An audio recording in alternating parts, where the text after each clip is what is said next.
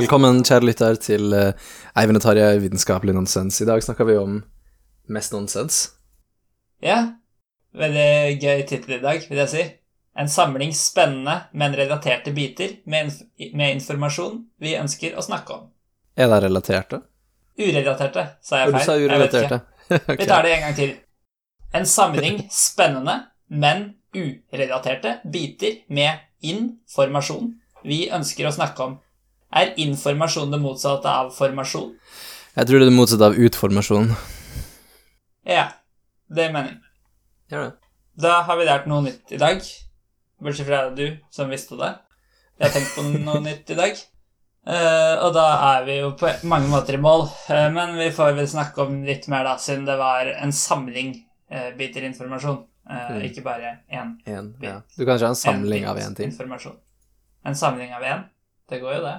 Sånn matematisk. Ja. Nei, jeg bare spør. Ja. Mm. Et sett, liksom. Jeg tenker en samling er En en mengde. mengde. Mm.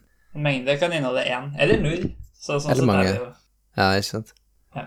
Ok, så tanken her i dag eh, Da vi liksom planla Ja, både i begynnelsen da vi planla å lage podkast, og underveis så har vi hatt forslag til temaer. Men så har vi gått litt gjennom lista og innsett at noen av disse temaene er litt små. Vi klarer ikke å dekke en Altså, det skal vi aldri si. Vi klarer å dekke en podkast med ganske lite, vil jeg si. Men, eh, men eh, vi følte det ble litt tynt å ha en full podkast om dem.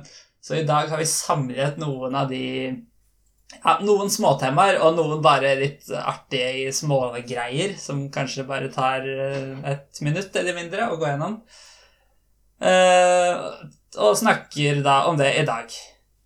Så i dag er det garantert noe du syns er kjedelig, hvis man skal være pessimistisk. Og forhåpentligvis noe du syns er litt gøy òg på et eller annet tidspunkt, hvis man skal være optimistisk. La oss begynne med den første Vi kan ikke si den første biten med inf- informasjon er urelatert, for hva er den urelatert til? Så vi kan si den Mm. første biten med informasjon er relatert, og så vurderer vi videre om de er relatert eller ikke til denne første. Jeg tror den første biten bare er Tert. Verken urelatert eller okay. relatert. Jeg vet ikke. Har du tenkt på at sving og usving er motsatte ord, men fortsatt betyr det samme? Men tror ikke du at U-sving betyr Eller at det får navnet sitt av at det ser ut som en U? Jo. Så der der forsvant det poenget. En U-sving er liksom ikke rett. Den første, Det var ikke den første biten med relatert urelatert informasjon, men den første biten med relatert urelatert informasjon er selvfølgelig å snakke om vår egen podkast, som er det mest interessante som finnes i Mm. hele verden. Så vi, når man lager en podkast, i hvert fall der vi hoster podkasten vår, så får vi jo tilgang til litt sånn lytterstatistikk. Uh, jeg kikker på den iblant. Terje kikker aldri på den, tror jeg. Visste ikke at den eksisterte engang før nå. Nei, ikke sant. Her betaler vi dyre summer for å, for å ha dette, og du bryr deg ikke om det. Men kanskje er du, er du glad i statistikk? Altså, faget statistikk er jo veldig kult, da. Ja, jeg tenker mer på konkret statistikk. Nei. Uh, nei, jeg syns statistikk bare er gøy i seg selv. Det er ikke så viktig hva det egentlig er om. Tall. Tall. Ja, men så tall med en mening, da. Ikke Mm. tilfeldig genererte tall. Men hvis du lager en distribusjon over de tilfeldig genererte tallene, da begynner det å bli gøy statistikk igjen. så, men jeg tenkte da eh, Det første du kan gjette på, siden du ikke vet, det er jo um, For eksempel da, så kan du gjette på de tre landene der vi er mest populære. Wow. Jeg vet ikke hvor Norge. presist dette er. Nei, er det bare. IP-adresse, liksom? Ja, jeg, jeg vet ikke. Eh, Det varierer sikkert litt hva slags sånn podkastservice du bruker for å høre på. hvilken app. Ja. Du gjetter på Norge eh, på førsteplass. ja. Og den forventet jeg faktisk at du skulle klare. Det, det er helt riktig. Veldig bra. Mm. Så blir det verre. Vi snakker jo norsk i podkasten. Ok, Spania. Ja, men nordmenn elsker å dra til Spania. Ja, vi har fortsatt faktisk ikke en eneste nedlasting i Spania, så hvis det Mm. er noen Jeg vet ikke hva det skal bety. Hvis noen er i Spania og hører på, så vær så snill å høre på en gang. Ikke noe mening. Hvis du skal på ferie til Spania, last Mm. ned podkasten vår. Nei! Og- Ja, der, ja. Ok. Ja, ikke last ned på forhånd. Nei, nei, nei. Da blir det jo norsk fort. ok. Eller bare bruk VPN og si at du er i Spania, eller et eller annet. Vi vil bare ha en spansk nedlasting. kan, er kan det være et nordisk land? Det er et nordisk land på tredjeplass, og fjerdeplass, for så vidt. Oi, ok. Eh, hva med sånn Sør-Korea? Har vi gjort det stort i Sør-Korea? Jeg føler Ja, det det er jo ikke i Norden. Men jeg, vi har ingen nedlastinger i Sør-Korea heller. Nei, men du sa tredje- og fjerdeplass. Jeg tenkte Ja, ok, for andreplassen. Jeg prøvde bare å lage litt humor. Ok. Det, men hva er et land som det? USA, da? Der er jo det nordmenn. USA er på andreplass. Okay. Der er vi store til tross for at vi snakker norsk. Vi er ikke så store der, men vi har noen ned nedlastinger der. Hmm. Ja, det må jo være, som du sier, at det er en podcast. Klientserver. Jeg vet ikke hvordan det her funka teknisk. Det kan være det at du har en amerikansk podcast-app, og den er konfigurert litt feil, så den sier at alle lytterne er fra USA i stedet for det land de er fra. Det kan også være selvfølgelig noe type VPN og sånn, og så kan det være muligens Jeg ser ikke helt poenget, men at det er noe botter da, som automatisk laster ned noen podkaster. Mm. Men um, jeg ser ikke helt hvorfor de skulle gjort det. Hacke podcasten vår. Ja, ved, ved å laste ned, så hacker de den. Ja, jeg vet ikke hva de prøver å gjøre, da. Det får jo det åpenbart ikke til, men vi kan jo beskytte oss for det. Ja. Ja. Ok, tredjeplassen. Nordisk land. Hvem går det for? Eh, Sverige. Eh, fjerdeplass på Sverige. Danmark. Danmark er på tredjeplass. Vi er nokså store i Danmark, ikke egentlig. Men bra, Danmark. Fortsett å lytte på oss. Dere har jo faktisk en liten sjanse til å forstå hva vi sier. Selv om vi ikke klarer å forstå noe av hva dere sier. Ikke et eneste ord. Det er så vanskelig å skjønne dansk. På Viaplay har de av og til eh, danske intervjuere på sportssendingene. Og de tekster det aldri. ikke. Nei, det gjør ikke det. Jeg forstår ikke nok til det jeg sier. Vil du ha en eh, observasjon jeg har gjort om danske folk som blir intervjuet? Oi, ja. De begynner alltid svaret med 'ja, men'. Selv hvis de skal svare nei, liksom. Ja, men nei. Ja hvis jeg skal svare ja, da. Ja, men ja. Jeg vil ikke si noe mer på dansk, for da tror jeg det fort blir veldig dårlig dansk. Ja, det er litt seint. Moving on. Eh, hvilken app, eller hva skal man si, det er ikke nødvendigvis app heller, da, men plattform tror du det er flest som lytter til podkasten vår på? Og det antar jeg er noe som faktisk kan være ganske Det er ikke så spesifikt for vår podkast, vil jeg tro. Nei. Spotify. Ja, den ligger Det er jo Det er to store her, da, som Spotify har 26% av ned nedlastingene våre. Wow. Det er en som er litt større. iTunes. Ja, det er vel iTunes. Det heter Apple Podcasts her, men det er vel eh, Ja, jeg har ikke helt oversikt over hva, hva de forskjellige appene til Apple heter, men uh, det blir vel egentlig iTunes. Men jeg tror de har en app som heter Apple Podcast, kanskje. Mm. Ja, det er 29,5 da. Så de to er litt over halvparten, og så er det rett og slett masse småtjenester som dekker resten. Det er de Mm. to som er store. Men det er en lang liste med, med tjenester her, så ikke føl deg dum selv om du ikke bruker en av disse to. Jeg bruker Overwatch på iPhone. Overwatch, er ikke det et spill? Nå ble jeg veldig usikker på om det er den heter. Overcast, kanskje? Overcast! Ja, for den står i Wow. lista her. Vi har, den er 1,28% av nedlastingene våre. ja, det er sikkert mine, da. Nei, for jeg hørte bare på Spotify på vår podkast. Og ja, jeg lytta på vår Ja. podkast. Selvfølgelig. selvfølgelig. Vi har også ganske mange som er um, others, da, som er ikke Mm. identifiserte. Så til slutt, før vi slutter å snakke så fryktelig mye om oss selv, um, hvilke tre episoder tror du er mest populære?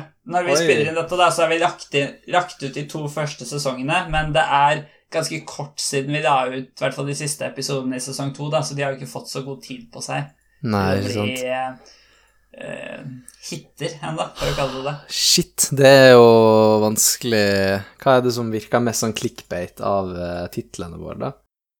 Eller mest interessant, for den del. Ja, det, det kan sikkert være en vei å gå. Det som også kanskje kan være lurt å tenke på, er rett og slett hvilke episoder har vi reklamert mest for. Så det er faktisk markedsføringa vår virker. Det er jo eh, en Det, det, interessant er, observasjon. det, det er veldig sant. Det er jo veldig fint å vite. Markedsføringsbudsjettet vårt på null kroner er verdt det. Um, jeg ville tippa sånn et eller annet om relativitetsteorien, kanskje. Ja. Den er på mange måter unntaket her. Den ligger på andreplass.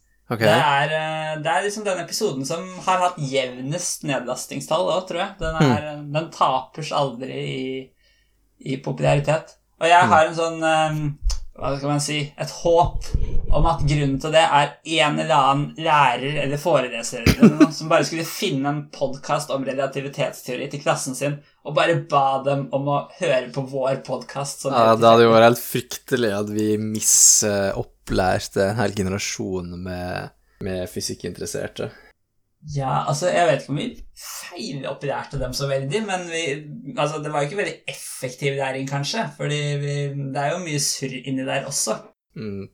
Men ellers da, så er det rett og slett episode én som er den mest populære, og episode to som er den nest mest populære. Som da handler det sanser. Ja, ok, så det var ikke prøveinnspillinga vår. altså, episode én handla mest bare om at vi hadde quiz om hverandre, nei, om oss selv og sånt, da. Men, uh, Mm. men det handla litt om sanser òg. Og to var Strange Loop del én, konferansen du var på. Wow.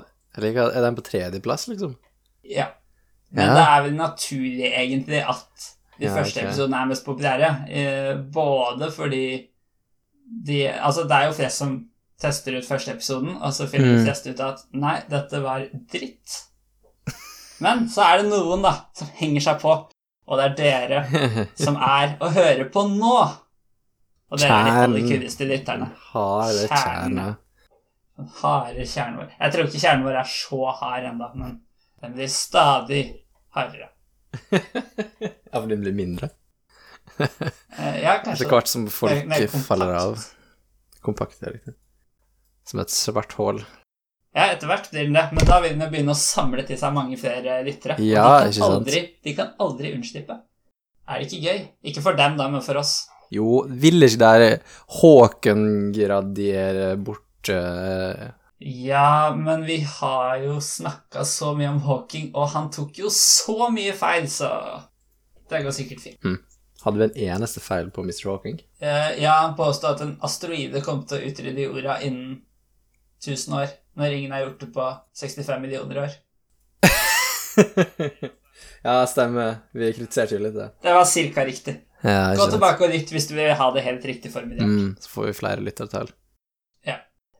Ok, det var podkaststatistikk. Min neste observasjon er Jeg føler alltid, ikke alltid, men flere ganger har jeg hørt folk komme med denne, dette spørsmålet. Hvorfor det Hvorfor smaker de fleste ting enten godt eller sunt? Hvorfor smaker det ikke både godt og sunt? Er ikke det veldig rart? Hvorfor Mm. er de sånn gjensidig utelukkende?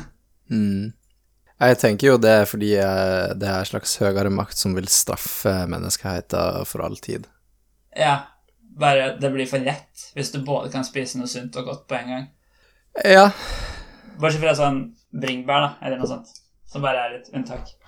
Ja, men det bringebær er egentlig så godt. Ja, og er det så sunt? For det er mye sukker. Mm. Kanskje det er ingen av delene.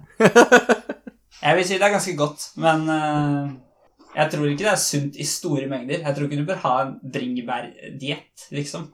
Nei, det, og, men det er jo heller ingen som eter så masse bringebær fordi det ikke er så godt. Du kan spise en hel potetgullpose fordi det er digg, men eh, du spiser ikke en hel korg med bring- bringebær. Kanskje en sånn lita korg, men ikke sånn. Nei, det er et poeng, faktisk, ja. Du spiser jo mer sjokolade. Eller fortere, eller hva man skal si. Ja. Interessant observasjon, og det er jo det mye av denne samlingen urelaterte biter med informasjon Mye av poenget. Mye av poenget. Ja. Min påstand er at de fleste ting verken er godt eller sunt, og hvis du har to ting det er liten sjanse for at skjer, da er det veldig liten sjanse for at begge skjer. Det er bare en sånn enkel sånn eh, statistisk sak. Små tall ganger sammen blir mindre tall. Ja. Eh, fordi de fleste ting er verken godt eller sunt. For eksempel et tre, jord, stein, uran. Har du smakt uran? Har du hørt om noen som smakte? Du veit faktisk ikke hva det smaker. Nei, ok, da. Altså, Ikke ingen uran. da. mennesker antagelig veit hva det smaker. Helium, da. Helium, har det smak i det hele tatt? Ja, Nei, det det er smaker ikke godt. Nei, ikke sant. I see. Jeg vil jo ikke si liksom, Salat smaker jo ikke akkurat vondt heller. Det er jo ikke det. Nei, det er ikke det. Men det er ikke godt heller. Nei, jeg kjøper, jeg kjøper argumentet ditt. Det er to, snitt av to små mengder blir det enda mindre mengde. Ja. Akkurat som det er Det er få folk som eh, Hva kan man være, da, som er uvanlig å være? Som er konger. Og det er få folk som er astronauter. Ja. Men det er veldig få folk som er konger og astronauter. Selv om de kanskje de er ikke helt uavhengige, da. Fordi du har kanskje ikke tid til å bli astronaut hvis du er konge. Nei, det er noen negativ korrelasjon der. Men på den andre sida, er ikke kongen vår en sånn uh, verdensmester i seilas av et slag? Jo Mm. Det er noe der. Men det er, det er jo sikkert bare fordi han er konge at han fikk plass på laget. Det, tror du vi har så lav integritet i uh, idretten? Eh, Hvis kongen vil. Altså, men tenk hvis du hadde et fotballag eller noe sånt, Ja. og så skulle du ta ut laget. Og så plutselig kommer kongen. Du, ikke, du sender jo ikke han hjem igjen. Altså, du lar jo ikke vår eh, 70 år gamle konge spille Du topper jo laget. Da var han jo 25, sikkert. Å ja, ok. Ok, Men de fleste ting er verken sunt eller godt. De fleste er verken De fleste er verken konger eller astronauter. God sammenligning. Hadde du forberedt den på forhånd? Nei, det håper jeg ikke det hørtes ut som. Jeg håper ikke du har så lav tiltro til meg. Det hørtes ut som du prøvde å la det høres ut som du ikke hadde forberedt på forhånd. Å ja, det kan hende jeg fortsatt driver nå, at jeg hadde forberedt det. Bare at jeg ikke er noe stolt av min analogi. Konklusjonen er at man aldri kan stole på noen noen gang. Eh, oi. Ja, ok. Der fikk vi en litt uventa, spennende, urelatert bit med informasjon. Kanskje litt relatert, siden vi trakk det ut av noe annet. Men eh, Ja, jeg syns jo det. Ja, det var podkastens slagord for i dag. For den neste biten med urelatert eh, informasjon, Mm. eh, den er jeg litt usikker på om er eh, min eller din påstand. Fordi det er så lenge siden vi snakka om det første gang, så jeg vet ikke hvem som tok det opp. Mm. Men det er rart at nesten alle studier er like lange. Mm. Jeg tror det her var din eh, observasjon, men eh, jeg stiller okay. meg bak den. Ja, takk. Fordi liksom nesten alle Det er en unntak, men i hvert fall de fleste bachelorgrader da, er jo tre år. Men det er sikkert mange av dem du kunne gjort unna på ett år eller to. Ja, eller, eller flere år. Ja, kanskje det òg, ja. I hvert fall at du had, kunne hatt nytte av det, da. Ja. Jeg, vil jo ikke, jeg vet ikke, Er det mange som du føler er inkompetente da de er ferdig, ferdig med en Ja. treårig grad? Ja. For eksempel, si, si ett yrke du vil henge ut nå. Det her er den delen av podcasten vi framstår ekstra ille. Ja. Men, eh, men det, altså, alt er relativt, så bare, jo illere, illere Jeg tror ikke det heter det. Jo, jo verre vi er nå, Mm. jo bedre vil, vi, vil folk tenke vi er på alle andre punkter i podkasten. Jeg har hørt eh, noen som går lærerstudiet som synes eh, For det har nettopp nylig blitt utvida fra tre år til en femårig master, integrert master, tror jeg. Mm. Litt usikker. Eh, og de syntes jo at det bare var uh, Padda på en måte en treårig bachelor ut som på en måte blir strekt ut til å vare i fem år, da. Men det Ja. kan jo selvfølgelig være en sånn overgangsperiode-sak, da. Det, det kan være, men jeg tror litt på det. Eh, hva syns du er vårt studie? Vi gikk jo samme studie, datateknologi, bachelor. Jeg syntes jo bacheloren vår var ganske kompakt. Um, Ja. Og det var jo definitivt litt sånn at de som gikk eh, Husker ikke hva det het, det studiet, men eh, IT og Mm. IT, som er det samme som vi gikk, bare uten matte og fysikk. Ja, at det på en måte var et subsett av, eh, av vårt studie. Jeg vet ikke om de vil beskrive det på samme måte, men vi ser på det sånn. Vi ser på det sånn. Jeg sa jo det her var den delen av podkasten. så det, det, det hadde jo bare de samme fagene som oss, og, og brukte lengre tid på de samme tinga, og hadde færre ting totalt sett. Så det var kanskje da vi først diskuterte det her. Eh, eller uh, iallfall tror jeg første gangen jeg tenkte hadde den tanken. Ja, for jeg syns også vårt studie var helt greit. Det var kanskje noen temaer innenfor fag som kunne vært droppa, men jeg tror ikke det var noen hele fag. Nei. Som, ja, Eller... noe var det kanskje, uten å henge ut konkrete fag. Vi henger bare ut konkrete studier. Du, for å gjøre podkasten vår mer populær, Mm. har du lyst til å fortelle en kontroversi kontroversielle historien du har fortalt meg om da du ville klage på karakteren i et fag? Det er helt frivillig, men det er en ganske sær historie som setter den skolen vi gikk på, i et ganske dårlig lys. Vil ikke det også sette vår utdanning, og dermed våre kvalifikasjoner, i et veldig dårlig lys? Jo, men vi blir sånn Snowden-folk, da, som går ut og snakker om det. Whistleblowers. oh Du er klar for å flykte til Russland, er du ikke? Å bo i Russland resten av livet for å Fordi USN hater oss. Oi, jeg glemte å hoste. Ja, det er det som eh, Det er det retten ser etter, om du hoster eller ikke, når du ga informasjon du ikke burde. Å ja, ja, fordi hvis du hoster, er det lov.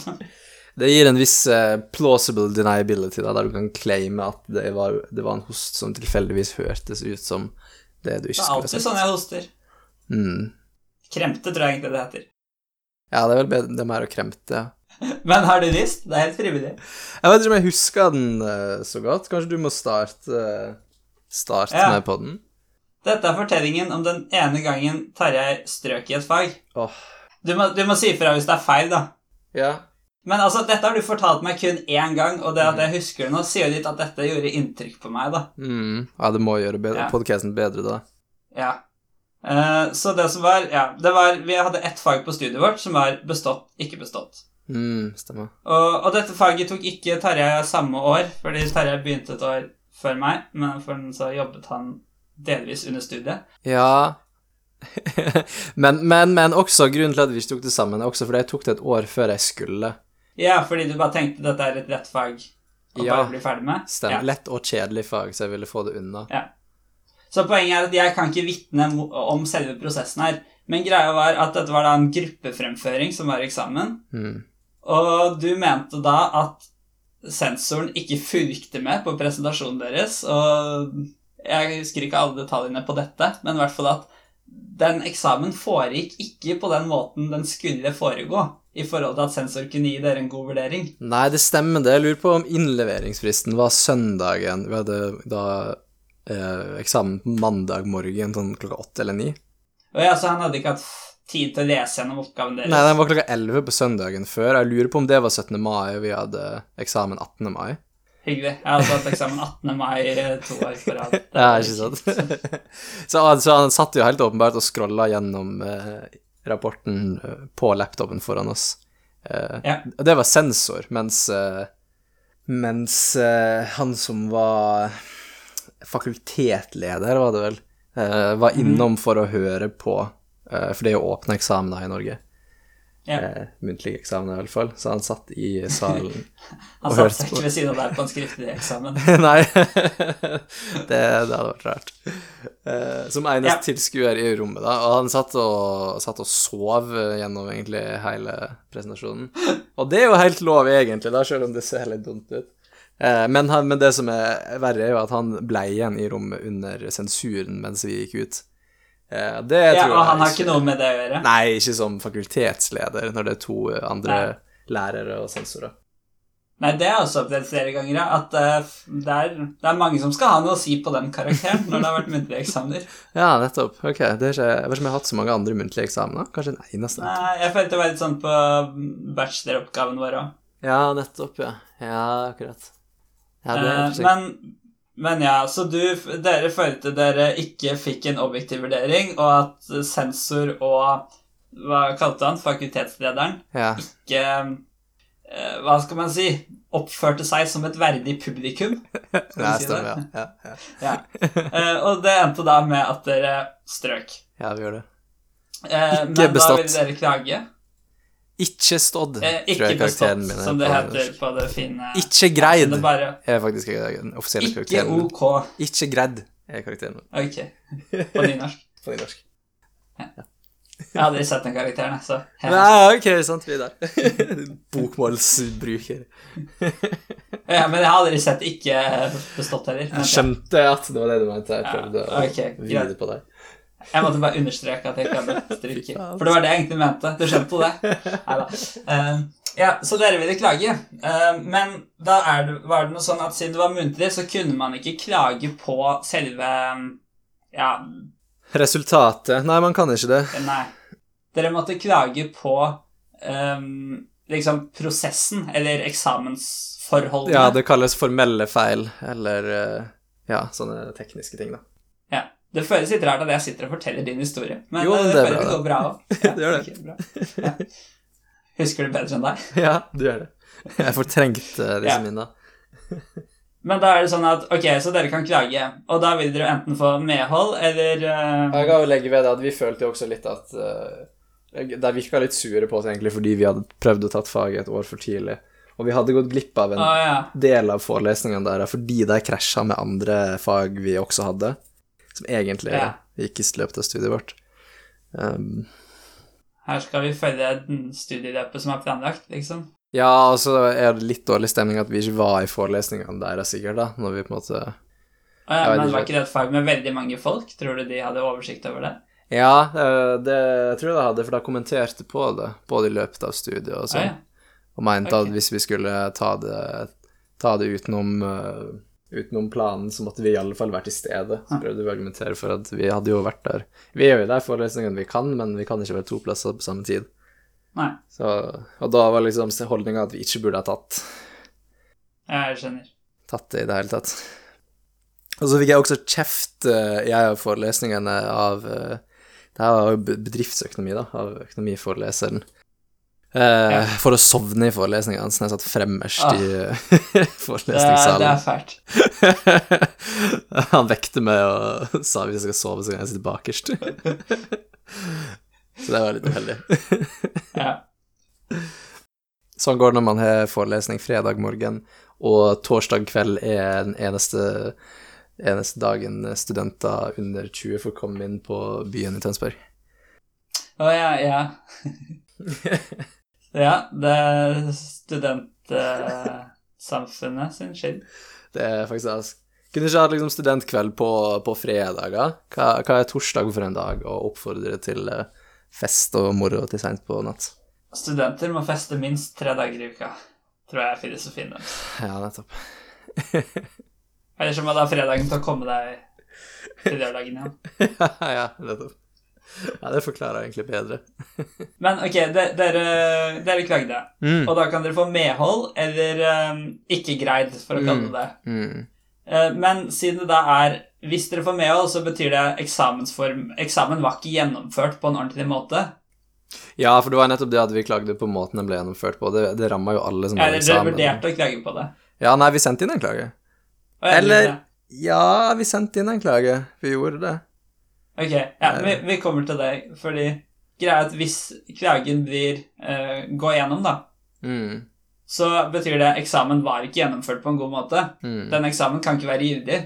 Og alle de, jeg vet ikke hvor mange som tok det faget, jeg sier 100, da. Som Mm. tok Ja, kanskje, det var nei, mer, kanskje. Hele klassa over oss. Ja, eller hele trinnet, da. 150. Si 150, da. Mm. Ehm, må ta eksamen på nytt. Mm. Det er gøy å få beskjed om i sommerferien. Den eksamen du tok og besto for noen uker siden Nei, det var ikke Den må du nesten komme tilbake og ta i høst. Mm. Ah, gøy. Så du kan si hvis jeg hadde vært en av de, så hadde jeg blitt uh, irritert hvis dere klagde. Men uh, hvordan håndterte skolen dette, da? Nei, hun, eh, hun studielederen var jo Hun fikk jo juristen deres til å se på klager, og da var det litt sånn at hvis, eh, hvis dere signerer under på den klaga eller insisterer på at vi skal behandle den, så må vi sende den ut og opp, på en måte ut av institusjonen og opp i systemet. Og det blir liksom litt ut av hendene deres, da. Eh, og jeg tror hun syns det virka litt den, den stilte deg som skole i veldig dårlig lys, da. Det her var jo før Eller det var jo da mens jeg prøvde å bli universitet, og fortsatt Ja. var en høgskole. Så det gikk Ja. både mye prestisje i den greien der også, da. Eh, så, så det hun på en måte trua med da, var jo at eh, at da kom eh, det kullet til å måtte ta eksamen på nytt, og det kullet var jo det som gikk Ja. over oss. Og var jo de som kom til å være ute i arbeidsmarkedet og potensielt kunne ha noe å si om vi fikk jobb og sånn da, når vi var ferdig utdanna, så vi burde tenke oss nøye om før vi, før vi sendte den Ah. dagen. Ja, så du ble egentlig trua med at du kom til å bli arbeidsledig hvis du klagde på, på eksamen. Sånn litt overdrevet. Thinly veiled eh, threat, vil jeg si. Tint Ja. tilslørt. Uh, ja, det er ganske spesielt, vil jeg si. Ja. Eh, det er da man skulle hatt med en sånn recorder i lomma på sånne møter. Ja, men folk eh, ordlegger jo seg på en veldig sånn uh, vag måte som uh, gjør at jeg ikke har sagt noe, egentlig, men Nei, Snakker bare bare, krem, de har bare kremt deg litt. Ikke sant, jeg kremte. Ja, og da endte det med at dere ikke Ja, dere sendte inn klagen, men dere trakk den eller noe sånt? Vi lot oss presse til vår store skam å trekke den, faktisk, ja. Ja, Em, For å ikke skape kvalme hos disse studieveilederne. ja. Jeg skulle litt ønske av prinsippet at dere hadde gått gjennom, men Ja. jeg vet, hvis jeg hadde vært en av de som måtte tatt eksamen på nytt, så hadde det vært sinnssykt kjipt da. Ja, ja, det er jo akkurat det, og da hadde det jo blitt eh, Jeg tror det hadde blitt et ureparerbart forhold mellom oss og i alle fall eh, han eh, fakultetlederen, men Ja. også foreleserne. Så vi kommer til å ha noe med resten av utdanninga de to neste åra. Det kan jo være, kanskje. Men det er dårlig, da, hvis eh, Altså, nei, jeg vet ikke. Ja. Ikke, ikke bra. Vi får håpe Eller sk- eh, USN får håpe at denne podkasten aldri blir så veldig populær, for da, da, da er det slutt på det universitetet. Nei, det spiller ingen rolle nå, nå er det blitt universitet, så da er jeg Ja, det skal mye til å miste den igjen. Det skal vel en del til, ja. Ja, Men klart, nå kanskje folk blir inspirert av vår sak, så dukker det opp flere lignende saker. Så er de Altså, ferdig. ja. Men vi skal jo si at vi fikk tatt eksamen og konta den bare rett over sommeren igjen, da, og da består jo vi Ja, alle sammen. gratulerer. Jo, takk. Eh, jeg tror ikke jeg leste noe i det hele tatt i løpet av sommeren. Jeg har ikke spurt meg, han Nei. Ja, du har vært flink å, flink å lese sånn forberedt. Jeg bare, ja, ja, hele sommeren, sa jeg. Han ba, bra, Mm. det syns, det syns. Mye bedre nå. Men det Men var det samme sensor? Ja, det var samme sensor. Samme lærer. Ja, Det er jo heller ikke bra. Altså, ja, men var, læreren var ikke sensor? Eller? Jo, jo, det var sånn ekstern sensor. Det var bare han foreleseren. Eller de to foreleserne. Det hadde vi kanskje skjerpa Mm. seg litt etter den hen- Jeg tror jeg lurer på om det er tilfeldig. Jeg hadde noen, eh, noen år blitt det trukket noen eh, fag til å ha ekstern sensor. Ja, Både, både for skriftlig det. og muntlig. Så, men jeg synes det var litt påfølgende. Jeg syntes jeg hadde blitt så mye bedre i faget også når jeg ikke hadde lest noe mer. Jeg kunne jo faget. Så ja. ja. Da da bevi beviste ikke, men du indikerte da at det faktisk var eksamensformen som var problemet. Ja, men bare for meg sjøl. For han så sa jo, påstår jeg at jeg hadde logget i, Ja, i jo. lesing og jo, jo. Men det gjorde du sikkert første gangen òg, til en viss grad. Kanskje ikke så eksplisitt, men Nei, ikke så eksplisitt. Jeg kom jo ikke inn og skrøyt av eh, forberedelsene første gangen. Ja. det var jo bare fordi han tok det opp. Ja. Jeg ville jo virke Stille meg sjøl i et godt lys, da.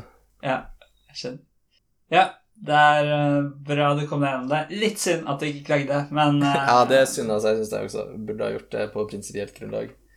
Ja, mot skolen. Men det var hyggelig mot uh, dine medstudenter. Ja, det er det. eh, Det er jo noe med den eh, over hva, hva er det det heter når eh, sivile blir ramma av uh, krig? Collateral damage er det jeg tenker på. Kjenner du til begrepet? Eh, jeg har hørt før, men jeg vet ikke om jeg kjenner så godt til den. her Skjønner du Men hva det ja. betyr? Jeg, jeg skjønner jeg, i hvert fall når vi har snakket så mye om det allerede. Death, injury or other damage inflicted that is an incidental result of an activity. Mm, Det er synd når hele trinnet over oss blir collateral damage. Eh, det er sant. Så det, det burde jo bare ikke vært sånn, da, at de må ta den på nytt. Jo, men eksamen var jo eh, vi, Altså, hele poenget er at vi klagde på at eksamen var gjennomført Ja. på en uforsvarlig måte, så det er jo en viss logikk i det også, da. Jo, men da burde regelen bare vært sånn at eh, sagt er sagt hvis det tar det mot studentene. Ja, hvis det går Ja, du tenker at liksom eh, benefits of the doubt går til studentene uansett. Ja, kanskje ikke of the doubt, da, men, eh, Nei, ja, ikke. Men men men, ja. at det kanskje er litt greia at også folk som ikke burde ha bestått, kunne jo også da bestått en sånn dårlig gjennomført eksamen fordi de ikke klarer å filtrere ut folk riktig. Jo, jo, men jeg tenker det er bedre enn at alle må ta den på nytt. Ja, det er sant, det er det. Jeg vil heller at jeg liksom, Ok, det er, litt, det er på en måte litt urettferdig hvis jeg har øvd masse til en eksamen, Mm. og som noen som ikke har noe, består. Mm. Men jeg vil heller det enn at jeg også må ta eksamen. ja, det er sant. Ok, tusen takk for at du delte denne sterke historien. Anekdoten Dette dramaet som utspilte seg for en del år siden i livet ditt. på en liten, ubetydelig høgskole ute på en åker. Ja, Ja, ja. det er faktisk veldig sant. Vi, vi er litt bak schedule nå etter, etter dette, men det var absolutt verdt det, så la oss bare rushe videre. Yes. Let's go. Eh, da vi hadde bacheloroppgave, så fant jeg på noe som het Dagens poll. Vi Ja. var tre stykker på bacheloroppgaven, og vi tenkte nå må vi finne ut for en, en gang for alle hva er best. Hva er best av hva? Jo, hva er best av alt mulig? Nå har vi tre personer, tre dataingeniører i omtrent samme alder. Her har vi et godt statistisk grunnlag. La oss finne ut av ting. en Et tilfeldig utvalg av befolkninga, med andre ord. Ja, så da tok vi lista opp Vi hadde en kategori hver dag. Satte opp alternativer. Folk kunne gi stemmer. Jeg husker ikke akkurat stemme. Kanskje sånn tre poeng, to poeng, ett poeng og sånt. Og da fant vi blant annet ut at beste sitcom Du får gjette fort ned. Ok, um, Beste sitcom Å, det her er vanskelig. Kanskje vi stemte uh, How I Met Your Mother, kanskje? Det så jeg vel litt på den tida. Yeah, The Office. The Office! Wow, ja, det er gøy. Ok. Beste ukedag. Uh, fredag. Ja. Wow! Beste brus. Uh, oi, Pepsi Max. Urge. Oh, jeg, hadde, jeg, jeg vurderte å si Urge, det er det verste. Ah, synd. Det er lov å si to, da. Men altså, Det er ikke like imponerende. Men Nei, eh, det er jo mer imponerende enn å bomme helt. ok, det er sant. Kloke, generelle ord. Det er det. Kuleste landemerke. I Norge, eller jeg føler vel Hva er et landemerke Nei, i verden. Uh, what? det er kanskje jeg husker i det hele tatt. Uh, wow. Mount Rushmore, kanskje? Det er jo litt sånn uh, Veldig unik, på en Ja. måte. Eh, det kan jeg være enig i, men det ble pyramidene i Egypt. Ja, okay. Jeg syns ikke de er så Altså, de er kule, men jeg, jeg synes de er ikke så kule heller. Åh, ok. I natt så drømte jeg at uh, Jeg vet det suger å fortelle om drømmene sine, ingen andre syns det er gøy, men faktisk, siden vi er inne på det I natt så drømte jeg at man fant pyramide på Mars. Det hadde vært helt sjukt, faktisk. Sant? Det hadde vært scary, ass. Det hadde vært Ja. sykt scary. Det hadde vært Åh. Jeg føler det er en bra film i det, kanskje. Det, det er veldig enkelt å selge inn den filmideen til Hollywood Executives, tror jeg. Fordi det er en veldig sånn gøy pitch. Men det er sånn her, er noe meat on the bones, egentlig. um, ja, og beste energikilde. En liten uh, referanse til en av våre tidligere podkaster der. Um, hva sa du? Beste, beste energikilde? Ja. Jeg var så klar for at du skulle si beste energidrikk, for jeg vet det var en av de andre tingene vi holdt på med. Jeg tror ikke vi hadde det i dagens poll, men det er, det er jo Burn original. Ja, selvfølgelig. Men eh, ja, for å bare ta den ferdig, da, så ble beste energikilde fusjon. Mm, ok. Eh, Men det vi gjorde når vi var ferdige, så tenkte vi vi kan jo ikke bare ha en haug med vinnere. Vi må jo ha én vinner. Så da tok vi jo de forskjellige vinnerne i de forskjellige kategoriene konkurrere mot hverandre. Så da var det brus mot ukedag og serie mot energikilde. Og da, Det var jo mange flere enn de jeg tok opp nå da, som eksempler som vinnere. Og da ble topp fire totalt sett førsteplass datateknologifeltet, utvikling og programmering. Andreplass matematikkfeltet, Hæ? sannsynlighet og statistikk. Tredjeplass dramaserien Stranger Things. Og fjerdeplass energikilden fusjon. Ah, så er at vi eh, som tre dataingeniør-bachelorstudenter under bacheloroppgaven stemte opp eh, utvikling og eh, Hva sa du? Utvikling og teknologi? Nei. Programmering. som den beste tingen i hele verden. Ja, som jeg sa, vi hadde et godt statistisk grunnlag.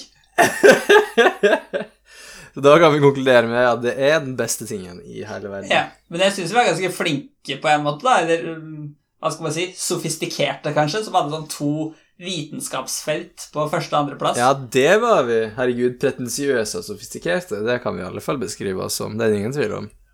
Mhm. Ja, Og en energikilde på fjerde. Og så har vi en serie på tredjeplass, da. Ja. Stranger Things, altså. Jeg tror ikke jeg har sett den tredje sesongen av den. Jeg var veldig fan av uh, Ja, begge de to første. De, de, de bytta litt stil til tredje sesong. Jeg likte den òg, men jeg, jeg tror jeg likte den første aller best. Hvordan vil du beskrive stilskiftet? Litt mindre Altså, det er jo ikke akkurat skrekk første sesong heller, da, men litt Mm. vekk fra det som er av skrekk. Litt mer Mm. komedie og litt sånn ja, vanlig dramaserie, kanskje. What? Men altså, det er jo, det er jo en sammenheng, da, altså, men litt i den retningen. Huh. Men nå, nå husker jeg ikke helt, for det er lenge siden jeg så det, og jeg så jo ikke sesongene på samme tid. Nei. Så. Der fikk vi tatt en greie fort. Eh, når vi er inne på serier, Så jeg vet ikke helt hvor mye jeg vil ha om dette, men eh, du har ikke sett serien Black Mirror? Jo, da har jeg sett eh, en del episoder.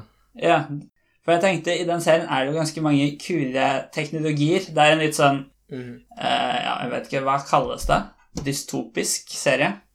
Ja. Litt sånn fremtidsretta. Det er gjerne Hver episode er en helt ny setting. Det er egentlig bare masse litt korte Mm. filmer. Noen av de er ikke så veldig korte, tverre filmer engang. Der man da gjerne har et slags fremtidssamfunn som er forskjellige typer da i hver episode. Gjerne da drevet av en eller annen ny teknologi som har forma samfunnet. Så jeg bare tenkte litt gjennom noen av de teknologiene som er der, som jeg bare tenkte vi kanskje kan snakke litt om, da. Men vi trenger ikke å snakke så Mm, mye om alle heller. men Bare Så den, en som er litt stilig, da Episoden er kanskje ikke så bra, men det er fra den episoden som heter Men Against Fire. Der det er, husker jeg ikke detaljene, men soldater som tar en medisin eller et eller annet sånt, som gjør at de får fiendene sine til å se ut som monstre i stedet for andre mennesker. Så de tror Mm. de er i krig med liksom fæle skapninger i stedet for Ja, uskyldige eh, Eller ja, andre mennesker. lurt. Ja, Det er sikkert billigere enn propaganda og den type ja hvis, du, hvis du bare får til teknologien, så ja. Ikke sant? ja. Men er det, er det riktig? Eller Det kan du alltid diskutere, da. Noen etikk og sånn. Men liksom at, eh, at du skal kunne drepe fiendene dine uten å føle at du dreper et annet menneske. ja. Eh, visste de at de tok disse medisinene, eller på en måte Hvordan fungerte Var det for å på en måte gjøre det enklere? Eller var ikke de klar over at det var folk engang? Nei, hvis jeg husker riktig, så går mye av episoden ut på at de ikke er klar over det. De tror faktisk de slåss mot noen slags monstre. Kall det zombier, da. Ikke okay. at det akkurat er zombier, men noe sånt noe, liksom. Mm. Eh, og så han hovedpersonen, da Jeg tror den teknologien hans feiler litt fordi han blir skada, så han begynner å se dem som mennesker. Og så er greia liksom at han prøver å overtale de andre til å skjønne at det er mennesker, da. Wow, ok. Det, er, ja, det, er det blir fort litt sånn filosofiske og Ja.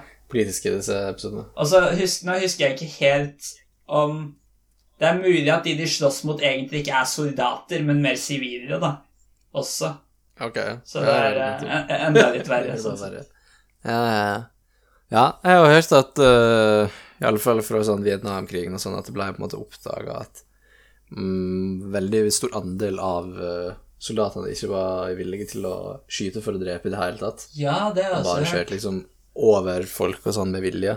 Og det er jo veldig ineffektiv måte å drive krig på, da, så jeg tenker jo at en sånn teknologi hadde vært veldig effektiv i en sånn setting. Jeg lurer på om det har gjort sånne undersøkelser i flere kriger. Og liksom, jeg husker ikke hvilken krig det er. Det er mulig det var lenger siden, at det var første eller andre verdenskrig. Men at uh, liksom over halvparten av soldatene bomma med vilje. Mm, ikke sant? Det er jo ganske ineffektivt. Ja, veldig ineffektivt. Mm. ja, det, er jo, det er jo veldig uetisk å, å i alle fall eh, bedra soldatene på den måten at de ikke veit hva For det første hva medisin de får i seg, men for det andre at de på en måte blir holdt uh, på en måte Grunnlaget for krigen blir holdt unna både befolkninga og de som utfører krigen. Sånn er jo det i stor grad i, i virkeligheten også. Ja. Det er interessant. ja, det, men det må jo ikke være sånn heller, sånn, for det var jo ikke Jeg vil jo ikke påstå at det var uetisk for eh, amerikanske soldater å reise til Europa under andre verdenskrig for å slåss. Det var jo Og de visste jo på en måte hvem de slåss mot, Ja. og hvorfor, da. Så det går jo an å på en måte Ja, Du sånn, må jo ikke bedra for at det skal funke. Er bare så det skal se ut som noe annet der og da, men du vet egentlig at det ikke er det. Eh, jeg, mener at det, mener at det kan fungere at eh, at soldatene i frontlinja veit hvem og hva de kjemper mot. Ja. De trenger ikke Nei. å bedra deg for at jeg skal ville slåss. Nei, det er liksom idet du skal um, fyre av skuddet, da, og ser at det er et Ja, menneske der, liksom. Ja, Hvis det er et monster, så er det ikke så vanskelig. Ja, nei, jeg skjønner konseptet. En annen teknologi da, er fra episoden Playtest, der de da lager en simulering av et skrekkspill. Det er liksom, er liksom et eh, kan si en helt realistisk VR, da, med alle sanser inkludert. Mm. Der det er i et skrekkspill. Det høres ikke gøy ut. nei. Ja, nei, jeg er enig i det. Hovedpersonen vet riktignok at den er i et spill, da. Det er ikke sånn at han glemmer det Ja. konseptet. Men selvfølgelig, da, den er jo lagd for at den skal gjøre han redd. Ja. Så den begynner jo å få han til å tro at det har skjedd noe feil i spillet, og at det faktisk er litt virkelighet. Ah, Ja, det blir jo veldig meta veldig fort, da. Ja, men det er jo det Hvis det er en slags AI som skal gjøre det skummelt for deg, så er det jo fort det den må gjøre. Ja, ikke sant? Det er jo fort det den gjør, ja. Det gir mening. Uh, ja. Ja, det er litt morsomt, det. Gøy. Og, og, og siste jeg vil ta opp uh, fra episoden Nosedive, der de har et sånt sosialt ratingsystem der alle folk kan gi hverandre rating bare for alt mulig. Hvis noen liksom Mm. um, bryter uh, vikeplikten, da, så bare gir du dem dårlig Mm. rating. Uh, og, Ja. sånt. og hvis du har høy rating, så får du flere goder i samfunnet, da. Det virker slitsomt. Men det som er, dette finnes til en viss grad i Kina i dag. Ja, jeg uh, om de greiene der. Og det høres slitsomt ut. Det er ikke så fælt, tror jeg. Jeg husker ikke jeg så, så noen sånne eh, videoer av det et fag jeg hadde på masteren. Et urelatert fag, for så vidt. Men litt spennende. Um, det, ja, det, det høres litt slitsomt ut, for det blir bare på en måte at sosiale medier, som folk allerede bruker veldig mye tid på, plutselig blir Ja, ja, viktig. Det er sånn, Hvis du ikke har 50 likes på profilbildet ditt, så kan du ikke søke boliglån, liksom. Det er nesten sånn.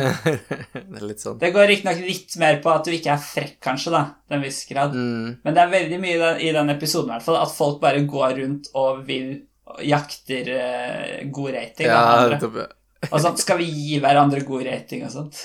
Uh, men det her er jo en veldig interessant problemstilling, syns jeg. Fordi det er mye negativt å si om sosiale medier, av mange grunner. Ja. Men, så skal, men så er det også sånn at en sånn på en måte sosial ratingsystem Mm. er jo sånn alle sosiale, sosiale samarbeid og eh, det er, jo, altså det er jo sånn eh, mennesker har organisert seg til all tid, og alle sosiale dyr, egentlig. At man har en slags en indre rating. Bare at det ikke er så eksplisitt, liksom.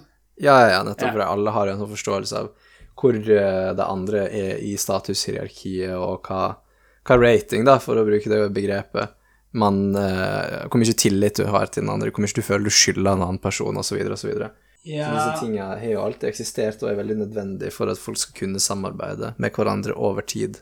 Men det er likevel ikke ett globalt system. Det er mer sånn Nei, du kan det ha som forskjellige interessant. i forskjellige miljøer. Ja, ja, ja. Fordi, men det er jo litt sånn hvordan For det er jo litt sånn, det er jo blitt litt sånn også at du kan ikke stole på folk i en by på samme måte som Nei. du ville ha stolt på naboen din i eh, et lite lokalsamfunn i en liten bygd der alle kjenner hverandre, eller en stamme der alle kjenner hverandre. Mm. Nettopp fordi du aldri har møtt personen før, og du kommer aldri til å møte personen igjen, så Ja. du har ikke det samme insentivstrukturene til å ville være eh, La være være frekk mot folk, for du veit at du kommer aldri til å trenge deres sin hjelp eller eh, akseptanse, eller Ikke sant? Nei. Så det, det er jo et poeng at på en måte større samfunn så, så sliter jo vi med å organisere oss på en effektiv måte. Eh, men det fungerer jo greit på en måte i dag også. Eh, i, altså, byer fungerer jo, men det er jo en helt annen dynamikk likevel. Ja da, det er det jo. Men det hadde vært slitsomt da hvis du hele tida følte du måtte hjelpe andre folk og sånn Ja. for å opprettholde ratingen din. Men er ikke det sånn uansett at du føler du må hjelpe venner og familie for å holde, opprettholde Jo, men ikke fremmede. Ikke fremmede, nei. Nei? Og her, her, i hvert fall i den serien, er det slik at jeg tror alles Ja, kanskje hvis du har god rating selv, så vil din rating ha mer å si når du rater andre, tror jeg kanskje. Mm, Men det er ikke sånn mm. at eh, venner er, rater deg bedre, liksom. Eller har mer å si for ratingen din. En fremmed kan jeg like med å si. Ok. Ja, ja. Ja, nei, det er jo det som er det evige problemet også, altså det er jo det vi snakker om med AI, og det gjelder jo mange deler av verden, at når man har et mål som ikke er eh, som er en proxy eller en eller annen uh, heuristikk for det faktiske målet, så vil du overfitte løsninga di vil bli overfitta til utility-funksjonen, da. Hvis utility-funksjonen ikke er 100% nøyaktig det du ønsker, så vil folk game systemet for å, for å tilfredsstille det målet. Ja, det fins svakheter som man kan utnytte. Ja, eller ikke svakheter, da, men det spiller jo ingen rolle uansett hvordan du setter opp systemet, hvis Det er jo nettopp det at folk er slags Oppfører seg som en optimaliseringsmaskin, Ja, og hvis tingen du optimaliserer for, ikke er nøyaktig det du ønsker, for det du Mm. ønsker, er jo samarbeid og god vilje eller et eller annet sånt, Yeah. men hvis du bruker en eller annen uperfekt proxy for det, Mm. så vil jo folk optimalisere det, den verdien. Yeah. Som er grunnen til at vi Det er det vi snakker om, sant? at det er derfor AI er farlig. Det gjør liksom hele byer og folk og hele samfunn om til en slags AI, da. På en måte det Ja. som skjer. Folk kommer til å bli sånn falsk snille med hverandre for å få høy rating. Ja, ja, ja nettopp. Ja. Mm. Det var de tre tingene jeg tenkte å ta opp. Ehm, Ja. tre, jeg, vil, jeg vil ikke si det er de tre kuleste episodene, men kanskje de tre kuleste teknologiene. Eller konseptet, eller ja. Ja.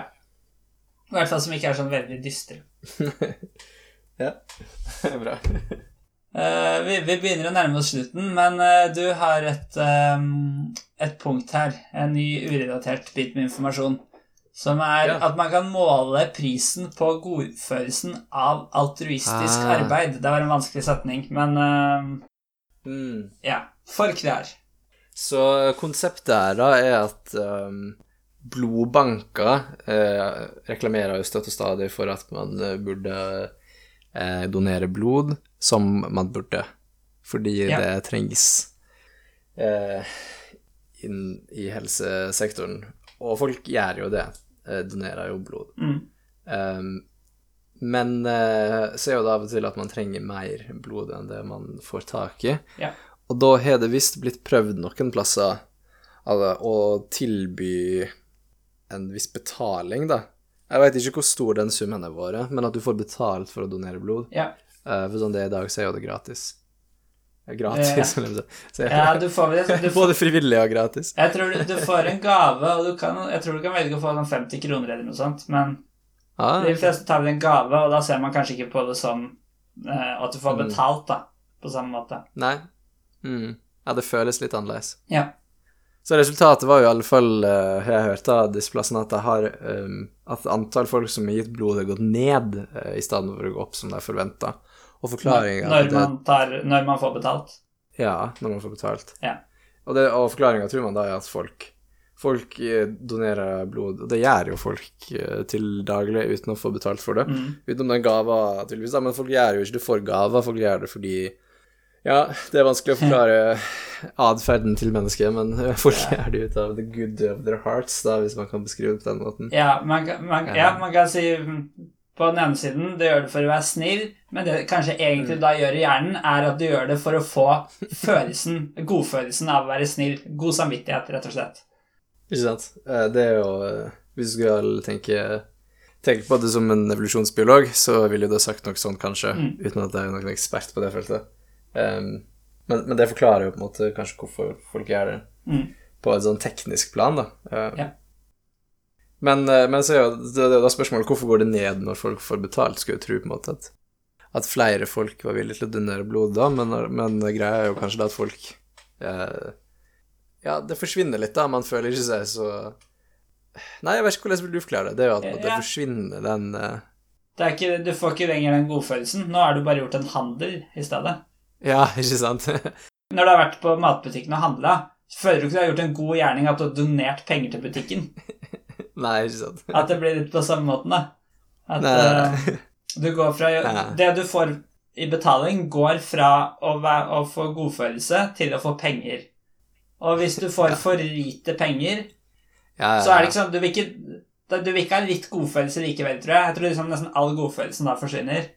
Ja, det tror jeg også. Uh, og hvis du da får for lite penger, så mm, er godfølelsen da verdt mer enn det. Så da var det ikke verdt det Ja. likevel. Og det, og det er det jeg vil frem til, for selv om jeg tror jeg forklarte det litt dårlig, så tror jeg folk skjønner konseptet og på en måte intuitivt forstår at når du får betalt, Ja. så synker antall folk som er villige til å gjøre det. Det gir på en måte mening. Ja. Men det jeg har tenkt da, er jo at hvis du hadde fått en million kroner for å donere blod én gang, så hadde jo alle gjort det. Ja. Eh, fordi pengene er jo verdt Ja. noe.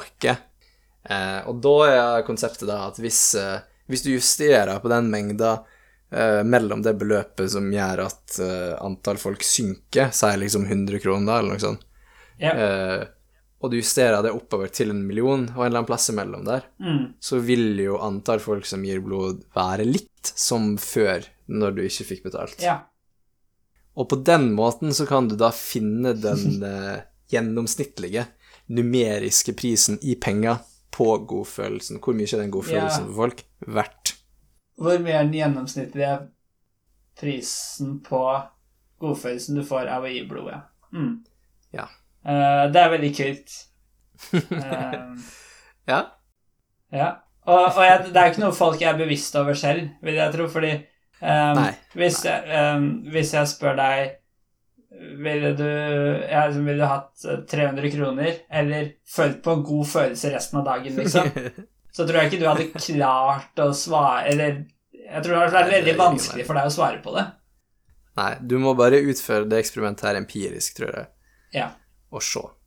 Det er mange variabler i å studere mennesker. Altså, la oss gå tilbake til å snakke om programmering og matte eller noe. Ah, ja.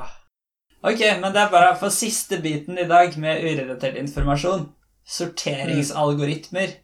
Som vi sikkert Ja. kunne fylt en podkast med, men det kan jo fort bli litt sånn sært og vanskelig å forklare muntlig.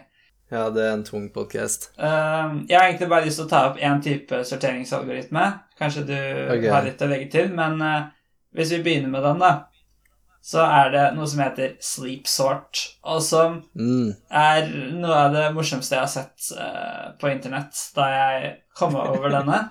Em, men jeg vil jo tro Du skal kjenne litt til sorteringsalgoritmer for at det er morsomt, så jeg forventer ikke at alle skal synes dette er interessant, men kan du litt om sorteringsalgoritmer, så kanskje du synes det er interessant. For ok, først, hva er en sorteringsalgoritme? Jo, det er noe som sorterer noe i en rekkefølge. Um, la oss si tall for enkelthets skyld. Tall i stigende rekkefølge. Det er jo én måte å sortere på. Um, Og da er det sånn at det finnes mange forskjellige sorteringsalgoritmer som brukes av datamaskinen og sånn, og noen er raskere enn andre. Men jeg tror sånn helt generelt så kan du ikke få en Du kan ikke få en helt generell sorteringsalgoritme som har en lavere kompleksitet enn det som heter n ganger log n. Og det det egentlig Mm. betyr, er at måte, jo flere tall du får inn som skal sorteres, så vil tiden det tar, øke med ehm, en slags faktor da, på n ganger logaritmen til n. Uh, Mm, Der n er n er lengden på lista. N, antall tall, ja. Antall tall. ja. Uh, som rett og slett betyr uh, litt mer sånn generelt, da, er jo at jo flere tall du får, jo lengre tid tar det å sortere tallene. Det, det gir jo Mm. mening. Ja, de, og ikke bare det, da, men tar, får du dobbelt så mange tall, så tar det dobbelt mer enn dobbelt så lang tid Ja, mm, å sortere lista. stemmer. Det, du, får, du får ikke rabatt, liksom. Du får heller eh, det motsatte. Ja. Og, og dette, det som jeg tror er gøy, dette lærte vi liksom om på det første på studiet, og det er jo da ganske etablert i våre hjerner, vil jeg si. Og så fant jeg denne bare sånn som egentlig humor på internett, som bare bryter disse prinsippene og egentlig sier du kan sortere ubegrensa metall eh, på eh, konstant tid, da, at tiden ikke øker jo flere tall du får. Eh, den har noen andre ulemper, men eh, la meg bare forklare den først. Den heter altså sleep sort, og det den gjør, er at eh, hvis du da skal sortere Vi sier nå først positive tall. Så oppretter du én tråd eller prosess i datamaskinen for hvert tall som skal sorteres. Og hver av disse prosessene skal først eh, sleepe, som det er den, den får navnet fra, som egentlig betyr å vente, et visst antall millisekunder ganget med verdien på tallet. Så la oss si at hvis antallet er ett millisekund, så, Mm. og, du skal, og en av tallene du skal sortere, er ti, så vil den da måtte vente ti millisekunder. Mm. Og når du er ferdig med å vente, da skal du putte tallet bakerst i lista over sorterte tall. Og lista over sorterte tall den begynner da som tom, og så etter hvert som hver prosess putter inn tall bakerst, så vil den jo da fylle seg opp. Og når alle prosessene er ferdig, da vil jo lista inneholde de samme tallene som originallista, som ikke er sortert. Um, men denne skal da være sortert. Og hvorfor skal den være sortert? Jo, det er fordi et større tall, som da skal lenger bak i lista, vil da slipe, altså vente lenger, og dermed blir satt inn i lista senere i tid, og derfor også senere i posisjon, siden du alltid setter inn bakerst. Mm. Mm. Og det eneste tiden algoritmen her tar avhenger av, er jo egentlig det største tallet. Fordi Mm. hvis du har masse små tall, det største tallet er ti, da, da vil jo Mm. den siste prosessen være ferdig etter ti millisekunder. Så sånn sett kan du Mm. da, i teorien, sortere en milliard tall på ti millisekunder. Mm. Og Og, og du kan da også bare øke antall tall uten at du øker tiden, som da bryter Mm. med, med det vi nettopp snakka om. Den får da en kompleksitet på én, kan vi si, i hvert fall i forhold til antall tall. Mm. Ja. Så hvorfor brukes ikke dette? Jo, den har jo en haug med ulemper, da. Den ene er at du trenger én prosess per tall. Og i en datamaskin så koster det både tid og ressurser å lage prosesser. Og du, Ja. du, du klarer heller ikke å få alle prosessene til å kjøre samtidig hvis det er for mange av dem. Så sånn sett så vil det jo likevel være en begrensning på antall tall du kan sortere samtidig. Ja. Mm. Så har vi også problemet hvis det er negative tall. Da må du jo slipe et negativt antall sekunder. Og hvis noen klarer å lage en datamaskin som venter et negativt antall tid, og så gjør noe, da tror jeg man både blir rik og samtidig kanskje ødelegger universet av noen paradokser og noe sånt. Så um, da må man jo vurdere om det er verdt det. Men det du kan gjøre for å unngå det, er jo da å legge til en slags bias, sånn at selv hvis det er et negativt tall, så legger du på en konstant tid, sånn at ventetiden blir positiv uansett. Ja. Men da har du igjen problemet at hvis det er stort sprik mellom tallene, så vil jo de Ja. øverste tallene enten måtte sove, ve- slipe veldig lenge, som betyr at algoritmen Mm. bruker lang tid, eller som du har veldig kort um, Hvis du har veldig kort sovetid som du ganger opp med, så vil det bli veldig liten forskjell i tiden du skal sove mellom f.eks. tallene 9 og 10, da, hvis du i tillegg har tallet 1 million, ikke sant, og den ikke skal bruke lang Mm. tid.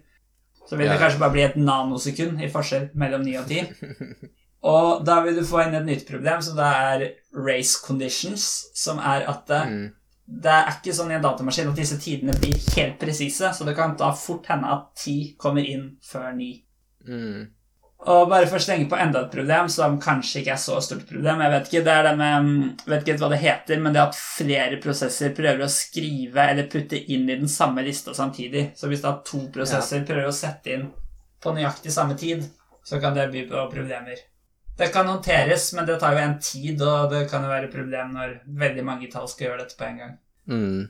Jeg føler en forklaring på hvorfor det her eh, egentlig ikke bryter det teoretiske resultat som er en lavere nedre bound på n log n, er at Ja. uh, den slipen er litt sånn juks, fordi det er ikke det er ikke på noe magisk vis at trådene våkner opp etter så mange millisekunder. Nei, det er noe som må gjøres i datamaskinen, liksom. Ja, og rent praktisk så er det operativsystemet som skanner gjennom alle det, altså lista med sovende tråder for å finne en som har uh, expira, håper jeg, en som burde ha våkna, Ja. for så å starte den opp. Og den, den prosessen tar jo uh, n tid eh, i forhold til antall, for du har jo n tråder for n tall. Mm. Du vil fortsatt bare være nede i N, da. Du kan samme si med å opprette prosessene. Nei, fordi du må jo, du må jo skanne alle prosessene og finne én som er våken, eller burde ha våkna, Ja. den, og så må du skanne igjen alle prosessene igjen. Så, skal, så det blir jo en sånn n i andre operasjon. Ja. Jeg føler det, altså. Jeg gjør det. Men i teorien kan du kanskje si at uh, dette, i stedet for å kjøre på forskjellige prosesser, kjører du på hver sin PC. Ja, ja, det er en interessant måte å gjøre det. Men da må du ikke klare å først distribuere det, og så samle det igjen. Så det er jo ikke i Mm. praksis godt. Men om det i teorien Teorien, ja. ja. Men det kan hende at Ja, fordi jeg tenkte på det jeg sa det nå, eller når du sa det her, at det kan jo også være at um, eh, hvis du For det du sa jo at du må gange med et visst tall, eksempel én millisekund. Ja. Men du kan jo konfigurere det sånn at den tida den sover, er så høy at den alltid rekker å skanne gjennom alle trådene før neste burde ha våkna uansett, og da blir jo den skannen på en måte gratis, fordi du skal uansett bare sove i den tida. Mm. Og da får du en, selv om det tar mye lengre tid å kjøre algoritmer sånn i absolutt tid, så bryter jo du likevel det teoretiske resultatet med O av n log n fordi den likevel blir konstant, da. Det er bare en veldig høy konstant Ja. uh, i kjøretid. Og jeg tror argumentet da for å for forsvare det teoretiske resultatet er at det gjelder bare for comparison-basert uh, sorteringsalgoritme, der du sorterer med å sammenligne to og to tall. Uh, ja. Eh, Det er kun det den gjelder for, men sleep-algoritmen er ikke en comparison-basert algoritme. Den minner Nei. mer om en sånn type radix sort, eller noe sånt, der du sorterer i bøtte, og ulempen da at du må vite maksstørrelse på tallene, sant, for du må jo vite Mm. eller, eller minststørrelse på tallet, kanskje, sånn som den biasen du snakka om for å få den positiv. For det er vel også en sånn slags litt sånn eh, ikke helt generell algoritme som eh, går Ja, ja, under som virker- det som heter da n log n, ved å bare faktisk være kompleksitet n.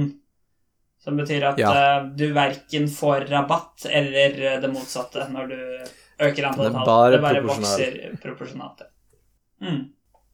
Men jeg, jeg, så jeg tror kanskje vi kan si at uh, i teorien så kan den være raskere, men i praksis så skal det i hvert fall være veldig sjeldent at dette i praksis er beste løsning. Ja. Særlig noe med det at den ikke Den er ikke garantert at den finner riktig løsning.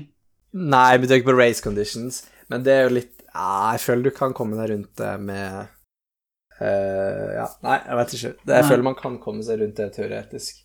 Men jeg tror jo egentlig også at bare sleepsort er én implementasjon av Radix-sort, der du bruker det innebygde Mm. trådfunksjonaliteten til operativsystemet til å implementere bøttene dine. Ok, ja. Uten å ha tenkt mer nøye gjennom det enn akkurat nå når vi snakker om det. Nei. Nei, men det er kul, i det. Ja, jeg har noen gøye sorteringsalgoritmer også, hvis du vil høre det. Ja. Eh, så En ekte sorteringsalgoritme det er en som heter slow sort. Ja.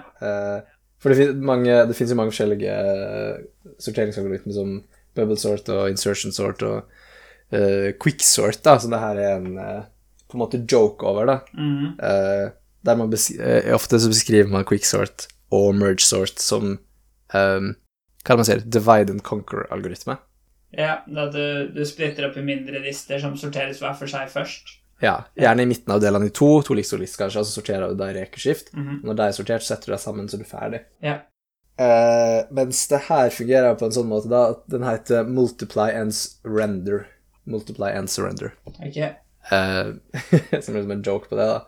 Og måten det funker på, da, er at man Man uh, Man deler opp lista i to like store lister, Ja. og så kaller man uh, slow sort på de listene rekeskift, sånn at de blir sortert begge de to listene. Mhm. Og når de blir sortert ferdig, så plukker man ut uh, det minste Altså det vil si, det er det minste elementet, det er første elementet i begge listene, Ja. fordi de er sorterte. Mm. Og så sammenligner du de, mm. og så beholder du den minste av de to, Ja. og så plasserer du det først i den sorterte lista, Ja. Og så kaller du slow sort igjen på alle de resterende tallene, Okay. og plasserer det som resten av lista, som blir den ferdig sorterte lista. Men hva er poenget? Er det ikke bare tregt? Ja, det er kjempetregt, sant. Det er det Ja. som er poenget, da.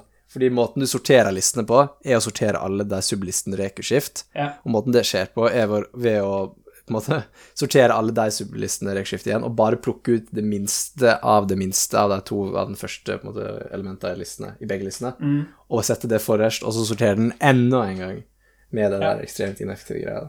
Så, så, så, sorti- så eh, kompleksiteten, da, er n opphøyd i logaritmen til n. Oi. Ja. Det, det blir jo mye større, da. Uten at det er noen god måte å forklare det på, hva det faktisk betyr. Men det kan bli veldig stort, da. Ja, det blir jo en slags eksponentiell, eksponentiell vekst. Men hvorfor har noen foreslått dette? Er det, som, du, altså det er jo lett å finne på noe som er tregt, tenker jeg, da. Jeg vet ikke, Det er så lett, egentlig, for den her er jo ekstremt utrolig treig. Ok, Så det er liksom noe av det tregeste du får, uten å bare gjøre noe totalt unødvendig, da. Du kan bare be den gjøre Ja. noe annet, liksom. Ja, ja. Og det er en ganske elegant algoritme også. Du kan eh, implementere den på ganske få linjer kode. Ja. Um, for, den, for det er bare sånn liksom deler den opp, sorterer rekeskift med slow sort, plukker ut den minste, plasserer det fremmest, sorterer rekeskift igjen. Ja. Så det er en ganske enkel algoritme, og så er den så utrolig treg, da. Og så ligner den veldig på quicksort, det er på en måte det motsatte av quicksort, så det er litt morsomt, da. ja, og i navn òg. Ja, ja, ja, som er på en måte joken, da. Mm. Men så er det en del andre sånne algoritmer da, som er mer sånn joke-algoritmer. Ja, Den heter stacksort, okay. og den fungerer sånn at man søker man søker Man lager, lager et skript da, som søker Stack Overflow etter sorteringsalgoritme. Ja. Kjører koden der helt til man finner en som virker. Det er jo Det er interessant. Ja, ja, altså Stack Overflow, som er en programmeringsforumaktig sak. Hjelp. Ja. Programmeringshjelp-nettside. Så det er jo ofte det som står der, ikke er verken riktig eller eh, fungerer. Det var Ja, så det er noen som har implementert det her, da. Du kan finne det på internett der noen har implementert Stack Stacksort. Ja. Skal du se hvor mange, hvor mange forsøk det tar før den faktisk virker. ja, den får jo en veldig spesiell kompleksitet, men så skal du på en måte etterpå kjøre algoritmen, da, så det er avhengig av hva den er òg, da. Ja, ja, algoritmen inni algoritmen òg, Mm. så det, er, det blir jo udeterministisk på mange måter. Du kan jo også ha en som bare prøver å gjøre tilfeldige datainstrukser til den lykkes med å sortere. Ja, det er en som heter random sort, der du kjører tilfeldig program på PC-en din helt til, er, til tallet er sortert. Ja. Men det trenger liksom ikke å være fullverdige programmer heller, egentlig. Det kan bare være uh, Ja, det er jo ikke sagt, da. eh, bare assembly Maskininstruksjoner. Ja. Ja. Der er jo en annen som heter Bogosort, som er litt i samme gata. ja. Eh, også kalt shuffle sort, der man bare sorterer til, tallene tilfeldig, og så tester man om de er sortert, og så Ja, gjentar man det, det. for det er et poeng. Det er det å teste om noe er sortert. Det er kompleksitet eh, bare O av N. For da må du bare Ja. gå gjennom lista og sjekke er dette tallet mindre enn forrige tall. Hvis du sorterer i Mm. stigende rekkefølge. da. Ja. det som er litt morsomt, er at uh, bogo sort, eller shuffle sort, da, har eh, en kompleksitet. Vil du gjette hva kompleksiteten er? Worst case er jo uendelig, for det er ikke sikkert den blir, men i average case eh, ja, så du skal prøve tilfeldig. Um, altså, ok, da tenker jeg Hvis det er ett tall, da vil den jo alltid klare det. Hvis det er to tall, så vil den klare det halvparten av gangene. mm. Hvis det er tre tall, da er det seks muligheter. Så da er det en sjettedel. Jeg tror kompleksiteten blir eh, en fakultet, som da er Ja, det er helt riktig. Wow, det klarte jeg bare å resonnere meg fram til. Du gjorde det. Så det er, altså da, eh, tallfakultet, eksempel firefakultet, er da fire ganger tre ganger to ganger én. Og det er noe av den verste kompleksiteten du kan få av sånne enkle hva skal man si, enkle kompleksiteter. da. Du kan alltid bare gange den med noe nytt igjen, men Jeg lurer på om Tror du den er verre enn en opphøyd i logaritmen til n? jeg tror Ja, det er jeg ikke helt sikker på, men den er, den er noe av det verste du kan få. Ja. Den er jo det. Den blir kalt supereksponentiell, tror jeg. Ja, ok. Bare, altså en fakultet generelt, da. Det har ikke Ja. noe med den algoritmen her å gjøre. Den er bra når du bare har ett tall å sortere, da. Ja, det er sant, og det som er kult med Bogosort, er jo at den har eh, Best case er jo faktisk eh, første forsøk. Ja, og det har ikke alle andre, fordi liksom, de skal Nei, gå gjennom en prosedyre som tar så å si samme tid uansett. Mm.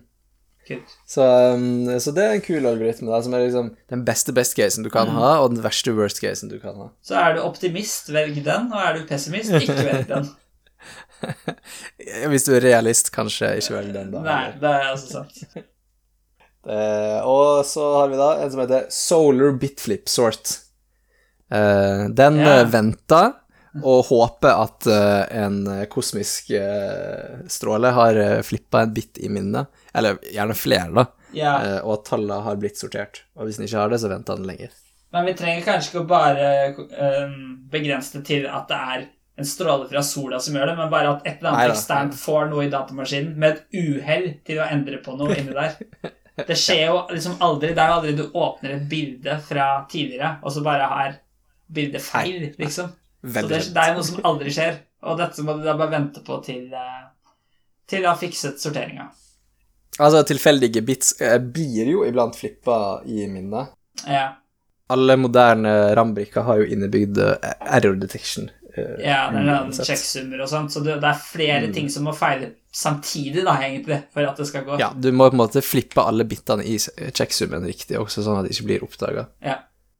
Så det er ekstremt lite sannsynlig, men venter du lenge nok, så skjer det jo. Eller det kan hende universet kollapser før det, men eh, Det er nok mye lavere sannsynlighet eller lengre tid enn uh, varme døden, ja. Det vil jeg Ja. tro, uten å på det. Men i et uendelig univers der PC-en aldri blir ødelagt, da, så vil det jo skje. Hvis det Eh, er kanskje. Det, det, sannsynligheten går mot én, iallfall. Jeg vet ikke om det er garantert å skje, på en måte. eh, Nei, det blir kanskje litt filosofisk. Det blir veldig sånn eh, filosofisk over hva det vil si å være uendelig, og hva det vil si å være tilfeldig. Right. Let's not go there. Jeg har en sorteringsalgoritme her da, som er en ekte O av N-algoritme. Hey, yeah. den må utføres utenfor PC-en.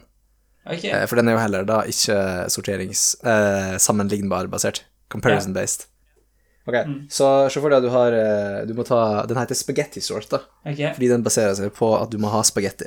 Ah, ja. Eh, altså for at du har spagettistenger, én stang per tall. Ja. Eh, og algoritmen da, du går gjennom lista, og det er en lineær operasjon, O av n, og skriver hvert tall på én stang. Jeg vet ikke hvordan du skriver på spagetti. Kanskje man har mer sånn tjukk spagetti, flat og tjukk spagetti i utlandet. Eh, Mm. Jeg vet ikke. ja. Ja, vi kan iallfall se for oss at vi markerer med spagettien med tallet den representerer. Ja.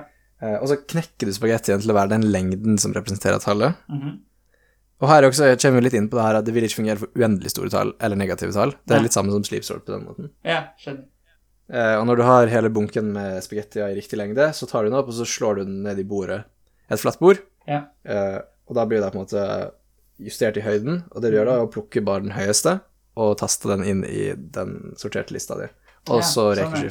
eller itererer du og tar den høyeste. Ja, Og det vil da være en, en O av N-sorteringsalgoritme. det vil jo kanskje det, verden. men det vil jo ta lengre tid å gjøre det siden et menneske er tregere enn en datamaskin. Men det har ikke noe med kompleksiteten kompleksiteten, å gjøre.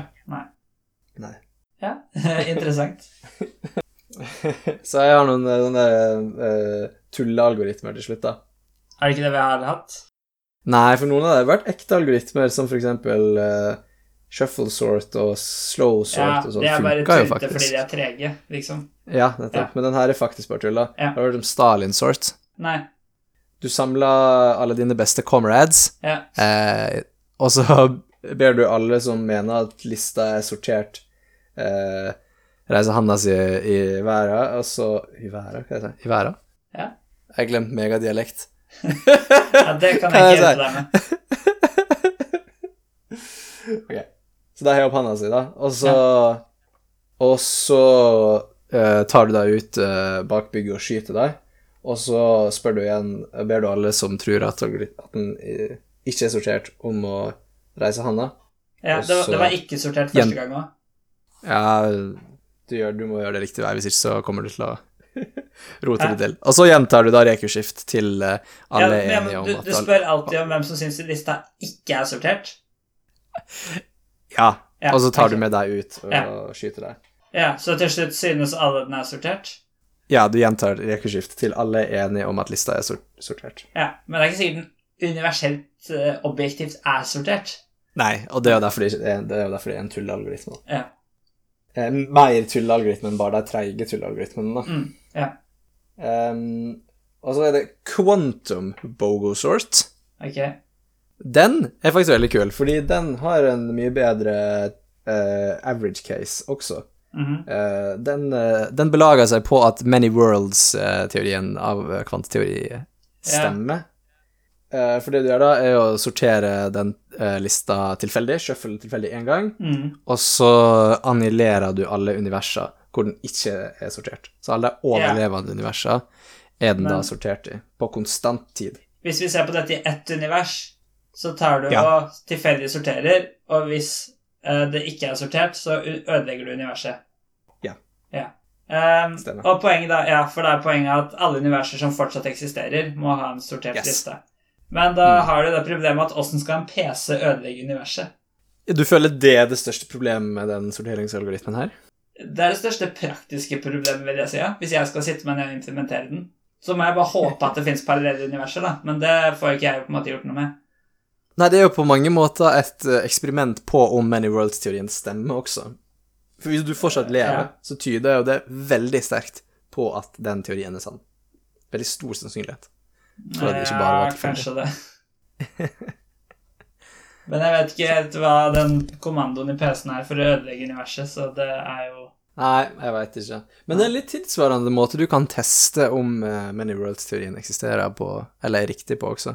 Eh, det er sånn du kan spille russisk rulett eh, med deg sjøl, da, eh, bare sånn 100 ganger. mm. Og da er jo sannsynligheten for at du fortsetter i livet, ekstremt lav. Men det tenker jeg Og det er jo nesten Og det, det, da har jo du nesten 100 sikkerhet, eh, hvis du fortsetter i livet, da, eh, for at du lever i At universet er en sånn many worlds-type Ja, men da du tenke på en måte at tidligere så delte alle universene bevissthet, da. Eller noe sånt. Så det er, måte Eh, akkurat din bevissthet som Hvis det er mange deg, men de har forskjellig bevissthet, da.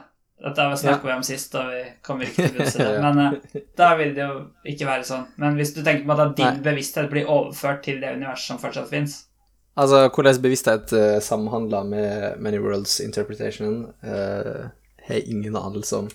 Nei, men, men Men har vi ikke nesten gjort det alt? For sannsynligheten for at man lever, er så ekstremt liten at har vi ikke egentlig gjort dette spillet? det er et veldig godt argument for uh, many worlds uh, quantum theory Uh. Ja, eller, eller bare at måte, universet ikke er som vi tror. At det på en måte er en slags enten type gud eller simulasjon eller på en måte et Ja. eller annet sånt. da. Det her bringer meg til, til den siste sorteringsalgoritmen min, som heter Intelligent Design Sort. Ja. Den sier at uh, sannsynligheten for at lista er i den konfigurasjonen den allerede er i til å begynne med, Mm. er én over én fakultet. Det var jo det du resonnerte fram til i stad. ja. Uh, og det er jo en utrolig lav sannsynlighet for at uh, lista har akkurat den, uh, den konfigurasjonen den har. Og det gjelder jo ikke bare for lange lister, det spørs ikke hva definisjonen din er lange, da, men en kortstokk, Ja. eksempel, som er bare 52 kort. Mm. Eh, Det sies jo det har jo aldri Det er helt garantert at det aldri har eksistert en kortstokk Ja. med samme stokking, eh, bortsett fra hvis du får den ny, og den er i sortert rekkefølge. Ja. Eh, eh, noen gang på jorda og kommer aldri til å eksistere heller. Eh, og, da, og det er lett for folk å tenke sånn Kanskje, kanskje det hadde eksistert hvis du liksom bare hadde Eller kanskje det er en liten sannsynlighet for det, eller at folk kommer til å stokke Hvis du stokker veldig mange kortstokker. Men, men størrelsesordenen her er jo sånn at hvis alle mennesker som noen gang eh, kommer til å leve, stokka én kortstokk hvert sekund og hadde gjort det fra tidenes morgen til i dag og, nest, og, og videre fremover, så kommer det fortsatt aldri til å være to like kortstokker. da. Jeg har en morsom illustrasjon på hvor stort det tallet er, men bare Ja, gjør ferdig det du gjør Ja, ok, ferdig ok. algoritmen først.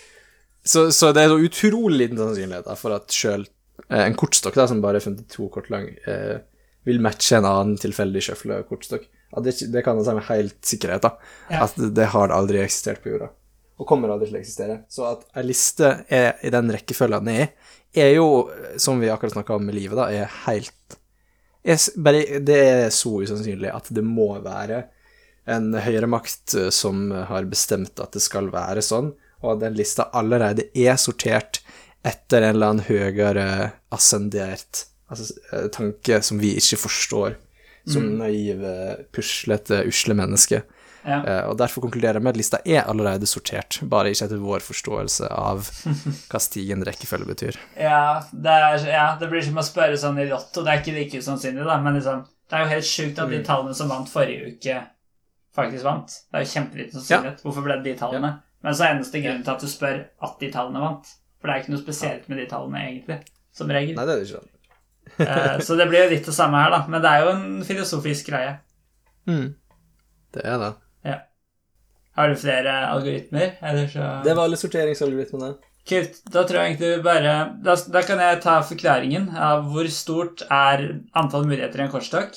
Ja. Og så må jeg ringe et tilfeldig nummer, og så ah, shit. sier vi oss fornøyd, tenker jeg. Ok, så det antall kombinasjoner i kortstokk er jo da 52 fakultet, altså 52 ganger 51 ganger 50, helt ned til 1.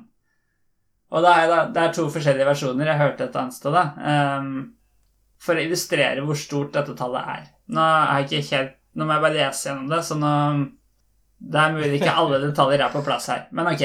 Mm. Du skal gå ett skritt hvert en milliard år til du er rundt ekvator. Du går et skritt, venter en milliard år, går et skritt til, osv. Mm. Når du har gått en runde rundt, så fjerner du én dråpe fra Stillehavet.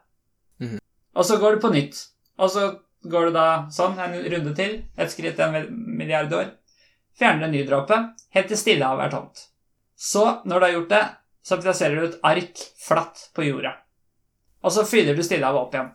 Så går du en ny runde rundt jorda hvert milliard år, altså et skritt hvert milliard år, tar ut en dråpe, tømmer Stillehavet på nytt, legger på et nytt flatt ark oppå der. Det skal du gjenta med ark hver gang fylle opp Stillehavet og gå mange runder rundt jorda, til du når sola med flate ark. okay. Når du har gjort det, da har du gjort det én gang, gjør det 3000 ganger til, så er du i mål. Og hva betyr dette tallet? Jo, det er så lang tid det tar å gå gjennom alle muligheter i en kortstokk. Og så har jeg dessverre ikke skrevet ned hvor ofte du gir ut en ny um, Kortstokk. kortstokk, men jeg vil tro det kanskje er hvert minutt eller noe sånt. da. Ja, det var jo ikke så veldig ofte, da. Nei, Det kan være hvert sekund, men det har ikke så mye å si i den sammenhengen her, da, egentlig. ja, ja. Um, det var én versjon. Det er jo helt sjukt, faktisk. Ja, og, det, og enda så klarer jo ikke vi å sette pris på hvor faktisk langt det er til sola, uh, i forhold til hvor mange ark det er. Og vi klarer heller ikke Ja. å sette pris på hvor stort en milliard er i forhold til Altså, det er lett å tenke at en million bare er liksom halvparten av en milliard eller noe. Men det er jo faktisk bare en tusendedel. Og hvor stort er tusen? Liksom, tusen er et stort tall. Og hvor mange dråper vann det er i Stillehavet. Tenk bare ikke du tar sant. ut ett glass av Stillehavet. Det tar ganske lang tid å bli kvitt de dråpene som er i det. Det er helt sjukt. Og versjon to, som da er et annet mål på akkurat det samme, det er at du i stedet stokker en kortstokk, ja, da en annen kortstokk, da, og deler Mm. ut fem kort hvert en milliard år. Og hvis du okay. får en Royal Street Flush, som er utrolig usannsynlig, eh, da kjøper du en lottokupong. okay. Og hvis du vinner toppremien i norsk lotto, så Mm. kaster du et sandkorn ut i Grand Canyon. Okay. Og sånn fortsetter du da med Royal Street Flush og vinner i lotto og kaster et nytt sandkorn til du har fylt opp eh, Grand Canyon. Og da kan du ta vekk én kilo stein fra Mount Everest. Ja, ok, en kilo er ganske mye, det. Ja, det var faktisk litt mye, da. Så tømmer du Grand Canyon igjen, fyller den opp, fjerner en kilo til. Så fortsetter du da til eh, Mount Everest er borte. Og så gjør du det 100 ganger, og så er det i mål. Mot da samme greia. Vet, Du må, du må tømme Du må, du må tømme Mount Everest hva- 100 ganger. Ja. Og for hver gang du tar vekk én kilo fra Mount Everest, så må du fylle Grand Canyon. Og for hver gang du kaster et sandkorn sandkorn. i Grand Canyon, så skal du vinne i lotto. vinne i lotto. Og hver gang du får lov å kjøpe en lottokupong, så må du få en Royal Street Flush. Og hver gang du får lov å trekke en ny kortstokk som kan gi deg en Royal Street Flush, som du venter en milliard år. Det er Og det var en helt milliard år der også. sjukt. Ja. Ok. Ja, ikke sant. Men Ah. igjen, da, så det, det, det er ganske lenge, den tidsepoka du beskriver her. Ja. Eh, og enda da, så har ikke du um, tatt vare på hvor ofte du får trekke en ny kortstokk. Så på en måte invaliderer hele argumentet. Ja, jeg kan søke opp det, da. Men uh, da må jeg bare, da, vi kan bare redigere det bort. Eh, så da blir det kanskje et lite kutt nå. Eh, ok, jeg har funnet ut av det. Det er, Du får Ja. lov å ta en ny uh, stokke kortstokken og se på en ny kombinasjon hvert sekund. Hvert sekund, ja, ikke sant? Og så skal det sies at dette er jo ikke da tilfeldige kortstokker. Her går du prosedyrisk gjennom. Det er ikke Alle sammen, da. Så du vil aldri få Ja. duplikater, er det som er greia? Ja. Men likevel tar det så lang tid. Hvis du kan få duplikater, er det jo ikke noe makstid. Det er rart at det finnes eh, Ja, ikke sant. Det er rart at det finnes så mange forskjellige kortstokker. Og det kan du liksom ha i en liten bunke foran deg på pulten, liksom. ja, ikke sant? Det, jeg så en sånn uh, YouTuber, eh, eller streamer eller et eller annet nylig, som, uh, som ble tatt i å eh, ha for uh, god til, tilfeldighet. Hva heter det? For, Flaks? for god flaks, på en Ja. måte, da. I sånn random Ja, for gode probabilities i RNG-en i var vel Minecraft han spilte, da. En speedrunner, da. Ja. Og, og han prøvde å argumentere og forsvare seg med at uh, Med at det var bare sannsynlig at Eller liksom, det er så mange som streamer No- Minecraft at det føles liksom. ja.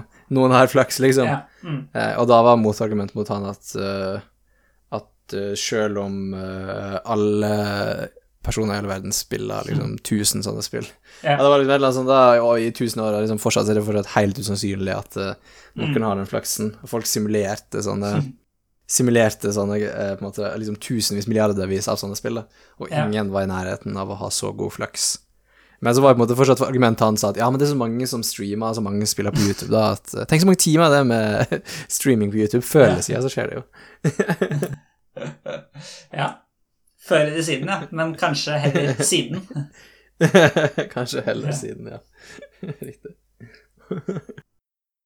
Ok, da er det dagens siste ubehagelige jobb. Ni, Eh, to, ni, fire, ni, ni, to tre Skal vi legge bort til mikrofonen? Speaker. Tror du egentlig vi er så dårlige random number generators at vi kommer til å produsere den samme telefonnummeret i løpet av bare noen få podcasts? Eh, nå snakka du mens den ringte, da, Terje. Men eh, tallet var ikke i bruk. Eh, Ja, da hadde vi ingenting å si. Tallet faktisk, Nummeret var ikke i bruk. Eh, nei, jeg tror ikke vi får samme nummer, men vi er nok ikke helt tilfeldige, nei. Det ikke Nei. sies. Det tror jeg. Det er det du gikk for mange nitall på rad, da. Ja, og det er jo en sånn greie at uh, du må jo ikke unngå å gå for uh, mønsteret, fordi mønstre kan også oppstå tilfeldig, men vi går nok for mer mønstre enn Ja, enn ellers. eller mindre, da, som er en form for mønster, kanskje. Ja, det kan du si. I hvert fall ikke helt tilfeldig. Da er vi vel i boks. I mål. Det er vi. Boksen er blitt nådd, målet er fullført. Det um, Kyoko Utility-funksjonen maks. um, gjør podkasten populær ved å snakke om den med andre, så kan vi sammen bring down USN. Eh, tweet oss på vitenskapelig nonsens, uh, og send oss eh, mail på vitennonsens at gmail. Outromusikk.